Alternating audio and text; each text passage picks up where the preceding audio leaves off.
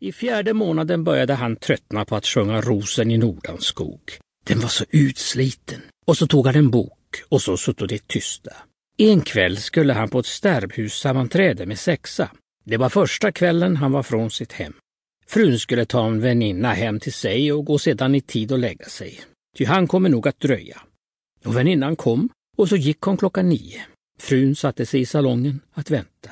Ty hon gick bestämt icke och lade sig förrän han kom hem. Hon hade ingen ro att sova. Och så satt hon där i våningen ensam. Vad skulle hon göra? Flickan hade gått och lagt sig och huset blev tyst. Pendylen knäppte och knäppte. Men klockan var icke mer än tio när hon trött lade bort sin antimakasser. Hon gick omkring och småstädade och var nervös. Detta var att vara gift. Ryckas ut från sin omgivning och sättas i tre tomma rum. Tills mannen kom hem halvrusig och rå. Men han älskade ju henne och han måste ju vara borta ikväll i affärer. Hon var en toka som icke kunde förstå det. Men älskade han henne ännu? Hade han icke häromdagen nekat hålla i garnhärvan, som han så gärna gjort förut, innan de blev gifta? Hade han icke igår middag sett liksom missnöjd ut när hon kom och hämtade honom? Och om han också hade affärssammankomst ikväll så behövde han väl icke vara med på sexan? Klockan var bara halv elva när hon genomgått denna examen till slut. Hon förvånades över att icke dessa tankar kommit henne förr. Och så ställde de mörka tankarna upp sig igen och så defilerade det en gång till. Men nu hade förstärkning anlänt.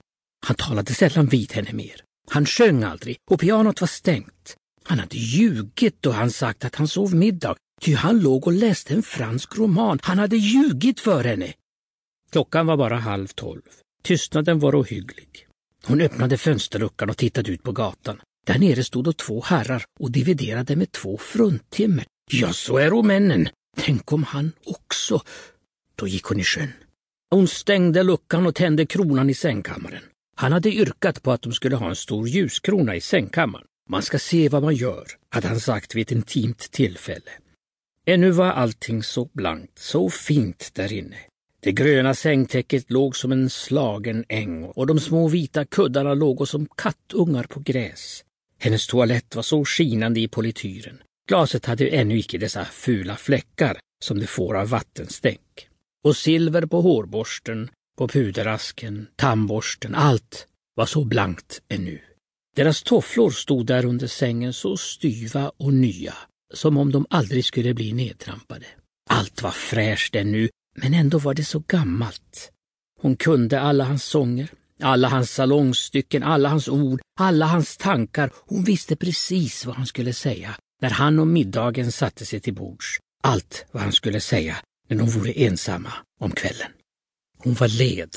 Hon var trött vid alltihop. Hade hon älskat honom? Oh ja, ja visst hade hon det. Men var detta nu, alltihop, alla hennes ungdoms drömmar? Skulle hela hennes liv bli så här? Ja, men, men, men de skulle väl få barn? Ja, men ännu hade de inga tecken sett. Tänk, då vore hon icke mera ensam. Då skulle han få gå bort så mycket han ville. Ty då hade hon ju alltid någon att tala vid, att, att pyssla om. Kanske var det barn som fattades. Kanske äktenskapet verkligen var gjort för ett annat än att en herre skulle få ha en hålldam som lagen garanterade honom att få ha i fred. Ja väl, men han skulle väl älska henne ändå. Och det gjorde han icke, och så grät hon. När mannen kom hem klockan ett var han icke det minsta rusig. Men han blev nära på ond då han fick se hustrun sitta uppe. Varför har du inte lagt dig? Var hans första hälsning. Hur kunde jag ha ro att lägga mig när jag väntade dig? Jaså, det här blir trevligt. På det här viset ska jag aldrig våga gå bort. Jag tror att du har gråtit också. Ja, jag har gråtit. Och det må jag väl göra när du icke älskar mig mera. Älskar jag dig inte? Därför att jag måste vara borta i affärer. En sexa inga affärer. Se så där ja, nu törs man inte gå ut mer. Det är då fan vad fruntimmerna och efterhängsna av sig. Efterhängsna? Ja, jag såg nog det igår middags när jag mötte dig vid Norrbro. Men jag ska aldrig gå och möta dig mer. Men min lilla vän, när jag gick med min chef. Nu brast gråten ut och frun fick konvulsioner. Ut och väcka Lina och få varma krus. Han grät han också, hjärtans tår.